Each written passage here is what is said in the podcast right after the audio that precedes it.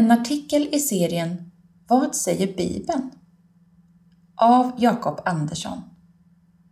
Gud själv är det bästa. Ett har jag begärt av Herren, detta söker jag, att få bo i Herrens hus i alla mina livsdagar, för att se Herrens ljuvlighet och söka honom i hans tempel. Psalm 27, vers 4. Det finns många beskrivningar i Bibeln om allt det goda som väntar Guds folk i himlen. Det får vi se fram emot. Friska kroppar, ingen ondska, frihet från synd, hela relationer, inget lidande och en ny fantastisk skapelse. Beroende på hur våra liv ser ut längtar vi säkert efter olika saker i himlen. Samtidigt kan det vara bra att påminna sig om dessa ord från kung David. Han hade upptäckt något. Fastän han var kung under Israels storhetstid och därmed kunde få allt han kunde önska sig, var det något helt annat som han längtade efter mest av allt. Ett har jag begärt av Herren, skriver han. Det finns bara en sak som han verkligen ville ha och som verkar slå allt annat med hästlängder.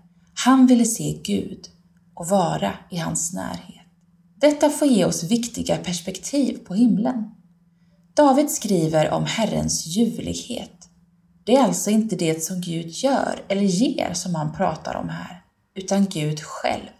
Det här är egentligen ingen konstig tanke. Om Gud har gjort allt det som är gott, vackert och underbart, ja, ljuvligt, hur ljuvlig måste han då inte själv vara? Mat, musik, humor, fjärilar, orkidéer, vattenfall och vänskap. Allt detta är ju bara små vattendroppar som kommer ur den ocean som är Guds egen ljuvlighet. Det skapade kan aldrig mäta sig med skaparen. Utifrån Uppenbarelseboken förstår vi att lovsången inför Guds tron aldrig kommer ta slut. Som en oändlig lovsångskväll. Många av oss kan nog tänka att det låter lite enformigt och tråkigt, men då har vi inte förstått Herrens ljuvlighet.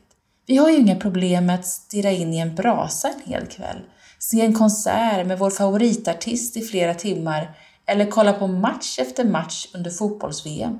Skulle det vara bättre än att se Gud? Nej, då kommer vi fatta, som David gjort, att Herren är det mest ljuvliga som finns.